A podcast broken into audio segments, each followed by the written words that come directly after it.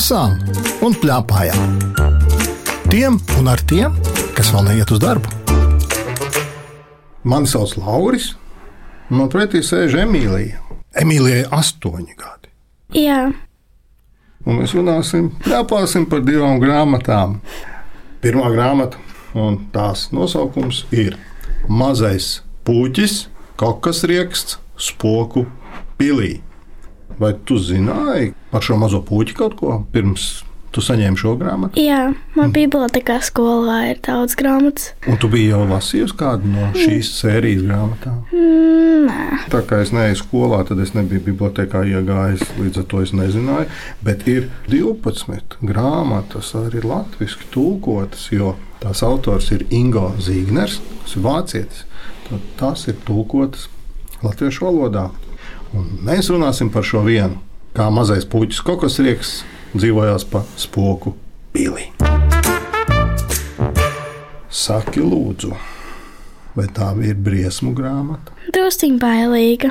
Man godīgi jāsaka, man bija bailīgāk nekā es biju domājis, tad, kad es paskatījos uz to vāku. Tas vāks tāds samērā smaidīgs, vai ne? Mm -hmm. Tas puķis, bet tālāk mēs izstāstīsim, kas tur vispār notiek. Es teicu, lasīšu tā, it kā tas būtu briesmu stāsts. Mazais puķis kokos rieks ar dzeloņu cūku Matildi pastaigājis pa klinšu mežu, kad viņus pārsteidz negaiss. Pēdējā brīdī draugi paglābis drūmā pilī, kas slēdz klints galā. Tur ir sausi un silti, bet diezgan neomulīgi. Kad pulkstenis nosit pusnaktī, draugiem nāks piedzīvot tādas lietas, ka šarmuļi skrien pār kauliem. Saki, lūdzu, kas ir šarmuļi? Un Tad, ja tā kā augsti paliek ķermenim, Tev bija kāds reizes, kad tu lasīji šo, drusciņ. un tad vēl nosit pusnakti. Te bija rakstīts, ko tas nozīmē. Nosit pusnakti. Mm, Kā pulkstenis ir 12 reizes. Pūkstens nosit.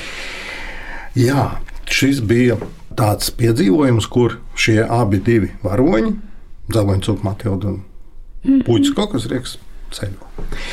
Saki, lūdzu, vai tu atceries, kā sauc to?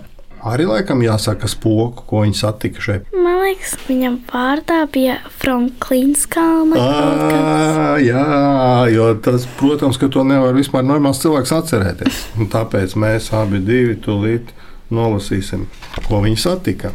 Viņi satika spoku sievu, kura teica tā. Un zini, kas ir mēlis mežģis? Nu, tad, kad ir kaut kas, ko ātri, grūti izrunāt. Es mēģināšu to mēlis mežģi, un pēc tam to varēs paprovēt drusku. Tad šis spocīgais stāvs ierunājās draudīgā dobjā balsī. Es esmu Klemencija Klikata, von Klīnskalna, Klemensa Kurkuļa, von Klīnskalna, maz, maz, maz, maz meita, Klarisas Kabatas, von Klīnskalnas, maz, maz, maz meita, Hugo Huligāna, von Klīnskalna, maz meita un Knuta Kariņa, von Klīnskalna meita. Tev ir liels acis, vai ne? Tā viņa sauc. Un, ja tu atšķirtu 22. lapu, un ja tu mēģinātu nolasīt, cik tu tālu tiksi, neaizķeroties, Es esmu Klemencija Klikata from Klīns Kalma. nu, te du, du, du, du, du, du, du, du. šausmas. Bet tieši tik sarežģīta arī ir šis spoks. Saki, lūdzu, vai tev ir kāda vieta, ko tu mums nolasīsi no šīs grāmatas? Tur bija minēta mana klase, pirmā A klase. Pirmā klase. Pirmā superjaudas klases spoks Aha! Kurā lapā tas ir? 35. Tā tad Klemencijai iedvest bailes ir grūti. Viņa ir pirmās A superjaudas klases spoks. Jā. Tādi baidās tikai no vampīru rēgiem. Un tu, Emīlija, to izvēlējies tāpēc, ka tu Tur- pateici pirmā tur- klasē. Jā, tur ir pirmā klase, mana klase.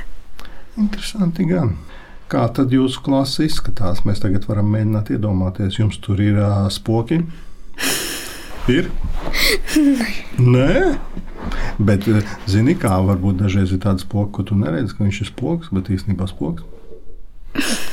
Saki, lūdzu, vai tev šis spoks, mazais puķis, kokos rieksts, viņš tev likās ļoti simpātisks?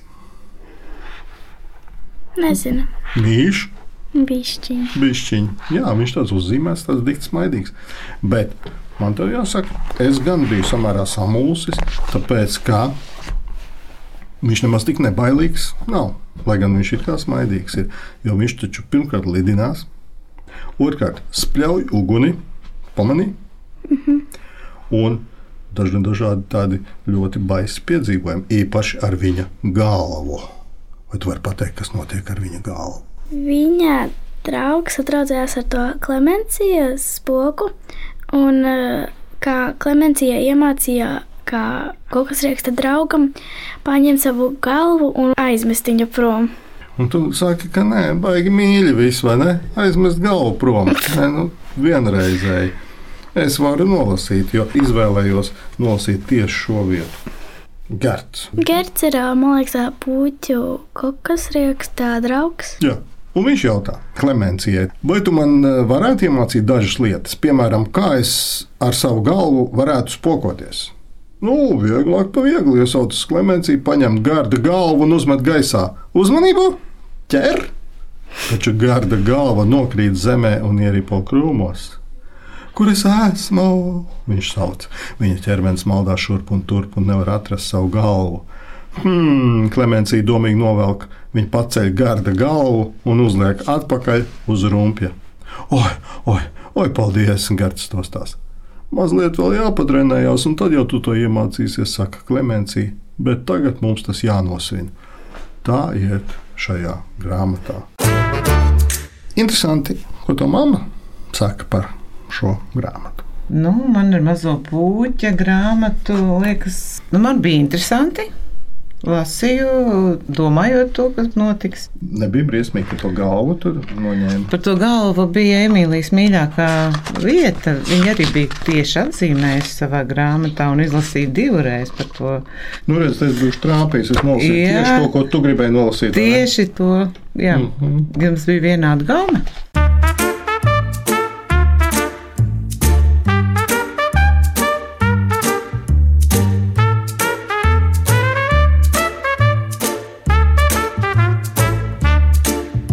Lasām un plēpājām. Tiem un ar tiem, kas vēl neiet uz darbu. Mums ar Emīliju priekšā stāv vēl viena grāmata, un šīs grāmatas nosaukums ir Dzinieks un Smarža. Tās autore Lotte Vilma Vītiņa. Viņa ir gan rakstījusi to tekstu, kas tur ir, gan arī zīmējusi to grāmatu. Saki, lūdzu, Emīlija, kad tu šo grāmatu ieraudzīji, ko tu domāji, kas tur būs iekšā? Nu, es arī domāju, ka tur būs kaut kāds dzinieks, kurš rakstīja dzējoties. Un tā arī bija. Jā. bija. Mhm, tā kā tas nav melots. Bet smarža, Es toreiz domāju, ka viņš kā savest, nu kā, kā kaut ko sajustu, un tad viņš uzrakstītu par to dzējoli. un tā arī bija. Mhm. Liekas, viss ir ļoti parasti. Bet es, teiksim, varētu teikt, ka es šādu grāmatu pirmo reizi mūžā turēju rokā. Kāpēc es tā saku? Kā tev šķiet? Mm, varbūt pirmo reizi es viņu ieraudzīju. Nu, es pirmo reizi viņu ieraudzīju, jā, bet, bet viņa ir citāda. Viņa ir pilnīgi savādāka nekā citas grāmatas. Tā nešķiet. Lielāka.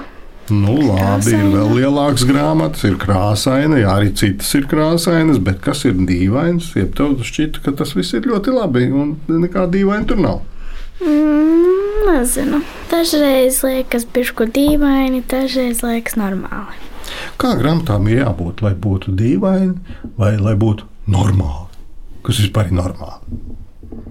Normāli, kas, piemēram, ko var saprast, un kaut kas tāds. Tu kaut ko nevarēji šeit saprast šajā grāmatā. Mm, varēja visu saprast. Vai labi. ne? Tā tad viņa ir normāla. Es atkal saku, nē, viņa ir tik neparasta grāmata. Es mēģināšu izstāstīt, kāpēc man šķiet, ka tā ir neparasta grāmata. Vispirms es izlasīšu pāris rindiņas, kas ir rakstīts. Par ko tad šī grāmata ir? Kādā jaukā dienā, mazā dzīvnieka degunā, ielien dzējolis.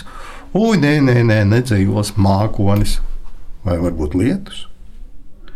Tev laikam pašam būs jāizlasa. Tu ieteiktu citiem izlasīt, Jā, noteikti. vai ne? Bija daudz jālasa, Nē, maz ļoti. vai bija vairāk jāskatās, varbūt. Bija daudz jāskatās, bildes un maz jālasa. Un kā ar domāšanu? Mm, nezinu īsti. Nebija daudz jādomā. Nu, es tagad tev tādu pārbaudījumu jautāšu, nebaidies, lūdzu. Piemēram, šajā grāmatā ir rakstīts tā, pirmajā lapā. Bija apmākusies diena, un mazajam dziniekam nebija iedvesmas. Saki, lūdzu, tu vari radio izstāstīt. Tur ir uzzīmēts, kā lapa ar zīmoli, kā viņam nebija iedvesmas, ko zīmēt, ko rakstīt, un kā tur bija balts papīrs, jo viņam nebija ko rakstīt. Nu, labi, tas ir vienā pusē, bet otrā pusē. Īsti nevar pateikt, jo tāpēc, tur ir neizskats kaut kas loģisks. Jā, ir gan. Kāpēc nē, paskaties, sabūzīti papīri, vis visādi strunti un kaut kāda beigta muša un viss kaut kas. Nu, Tā varbūt bija apmākusies diena. Tā mēs varam uzzīmēt apmākušos dienu. Var tā būt? jā. Vēl man patika viena vieta, kur mēs varam iedomāties tikai. Te ir rakstīts tā, ka mūsu dzinieks raksta par mammas mīksto halātu. Un kas ir uzzīmēts šajā bildē? Saki, lūdzu. Dzēnieks uh, paņēmis ar mammas halātu un raksta dzējoli. Un otrā pusē ir uh, kā puķītes, tur uh, kafijas krūze un kaut kādas skaistas lietas, kas patīk mamām. Tas saistās ar mammu, vai ne? Tā kā te laikam ir zīmēts tas, ko mēs jūtam. Jā, Tad, kad mēs sakām, mammas mīkstais halāts, mēs it kā nevaram uzzīmēt mīkstu neko. nu jā. Bet izrādās, ka Lotte Vilna bītiņa mums var uzzīmēt. Lūk, kas ir mīksts, kā viņai pašai liekas. Mīksts, silts, foršs. To varētu uzzīmēt. Ja tev teiktu, mammas mīkstais halāts, tur šeit kaut kas cits būs. Ne? Nu jā. Droši vien, bet kaut ko uzzīmēt var vienmēr. Es varētu nolasīt tādu vienu vietu. Dzinieks rakstīja par to, kā smaržo oktobris, kā smaržo slinkums, kā smaržo vēstētiņš un kā smaržo sals. Tu vari iedomāties, kā smaržo slinkums? Nē. Tu pētīji ilgi, to zīmēji. Jā. Daudz, daudz ilgāk nekā lasīja. vai ne? Tad grāmata ir lasīšanai, vai šķirstīšanai, vai pētīšanai, vai domāšanai. Kā tev šķiet, kas Domāšanai vai pētīšanai. Un drusciņu lasīšanai. un druskuļi lasīšanai? Mēs varētu abi divi drusku būt Lottes Vilmas Vītiņas. Brīdi mēs būsim šīs grāmatas autori. Tāpēc, ka mēs vēl varam aprakstīt, kā izskatās šīs grāmatas vāki. Tas, ko tu esi atšķīris un es esmu atšķīris. Šeit ir tādi mazi, mazi zīmējumi, un, piemēram, ir uzzīmēts, kā izskatās tīrība, kā izskatās pilnīga izgāšanās, kā izskatās svētki, kā izskatās. Kas, saki, kas tev vislabāk patīk no šī vāka? Kā kas? izskatās lauki? kā izskatās lauki un kā viņi izskatās? Tādi kā. Es nevaru pateikt, kā. Aha, tas atkal ir jāredz. Bet uzzīmēt to varētu, vai ne? Mm -hmm. Un laivu brauciens, kā izskatās? Smagi. Un, ja tu apraksti priekšklausītāju, nezinu, kāpēc tur ir gumijas zābaks. Kāpēc laivu braucienā būtu gumijas zābaks? Nu, piemēram, ja laivā ietek ūdens, tad, uh, lai nebūtu slapjas kājas, Tā kā tas laikam ir autorē bijis visspilgtākais, kas ir atmiņā palicis no laivu brauciena. Jā. Tas bija slapjš, un tāpēc viņi to ir piezīmējusi, pierakstījusi klāt. Vēl man šķiet, ir ļoti forši negaidīts atradums. Tāda roka, un kas ir rokā? Kaut kādas celtnas lietas. Aha, šo varētu pietiekami ilgi pētīt un paskatīties, kas ir negaidīts atradums un zina, kas ir. Man šķiet, ka katram šis negaidītais atradums varētu būt pavisam savādāks. Ne? Jā, Atšķir lūdzu otru vāku. Un otrajā vākā ir viens ļoti labs zīmējums, un tu viņu aprakstīsi. Es nolasīšu, un tu viņu aprakstīsi. Mm -hmm. Apvainojies kaķis. apvainojies kaķis. Jā, atrod lūdzu apvainojušos kaķi. Ah, atradu. Kaut kādi melni, mini maziņi, ļoti zābaciņi un kaut kāda dzeltena bumba. Jā, bet tas ir apvainojies kaķis. Kā tu domā, kaķis un zābaki ir kaut kāds sakars tam vienam ar otru? Runcis zābakus. Redzi, ļoti ātri tu nokļūsi. Tā tad runcis ir kaķis, ir atstājis savus zābakus. apvainojies aizgājis. Man ļoti patīk šis apvainojies kaķis. Un vēl man patika, paskaties, lūdzu, šajā izbirstēti zobi. Izbirstēti zobi. Jā. Kaut kāda zaļa lapa, kur ir drusciņš melns. Un es nezinu, kāds sakars tur ir ar zobiem. Ne? Kad tu tīri zobus, kāda garša pēc tam mutē ir? Kaut kādu, nezinu, piparmētra. Un kas šī ir pa lapu?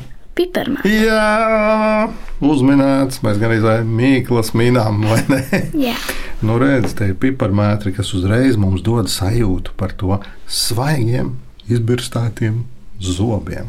Un te vēl ir, mēs varam nosaukt, ir, kā ir jūras vējš uzzīmēts, kā ir čūnītis, kā ir medus, kā ir kabatas nauda, kā ir oktobris un ko vēl. Mēs varam nosaukt, es visu jau nosaucu. Ne? Nē, vēl mazā brāļa auss. Mazā brāļa auss.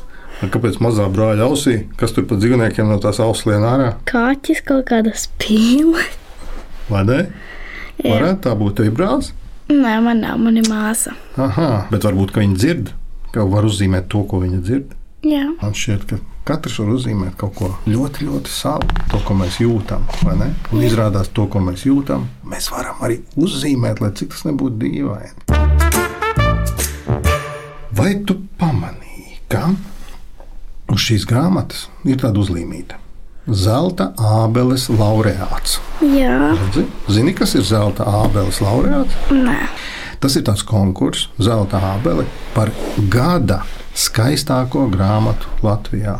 Nu, tad, lūk, šī grāmata ir kļuvusi par gada skaistāko grāmatu Latvijā, Ļoti forša. kurā var ļoti, ļoti, kā jau Emīlija teica, daudz domāt. Tad, kad mēs to šķirstām, tad, kad mēs to skatāmies. Un es tikai nolasīšu vēl uz beigām vēl vienu apliecinājumu tam, ko es tikko teicu. Visi lasīja mazā dzinieka dzīvoļus, staigāja apkārt, ostīdamies, jo viņš smaržas aprakstīja, kā mēs atceramies, un sajūta smaržas, par kurām iepriekš nemaz nebija aizdomājušies.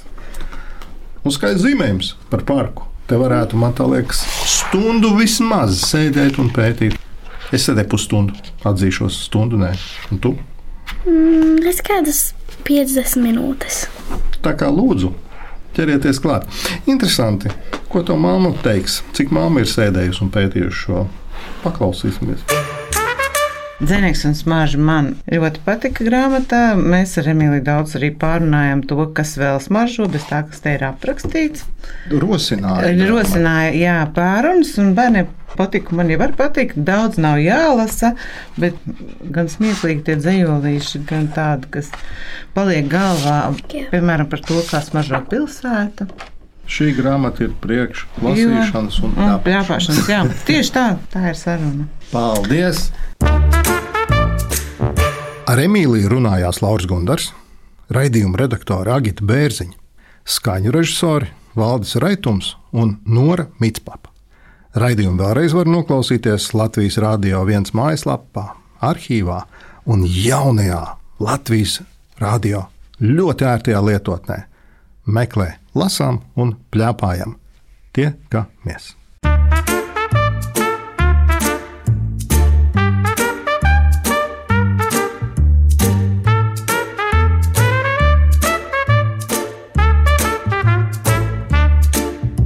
Lasām un plēpājam. Tiem un ar tiem, kas vēl neiet uz darbu.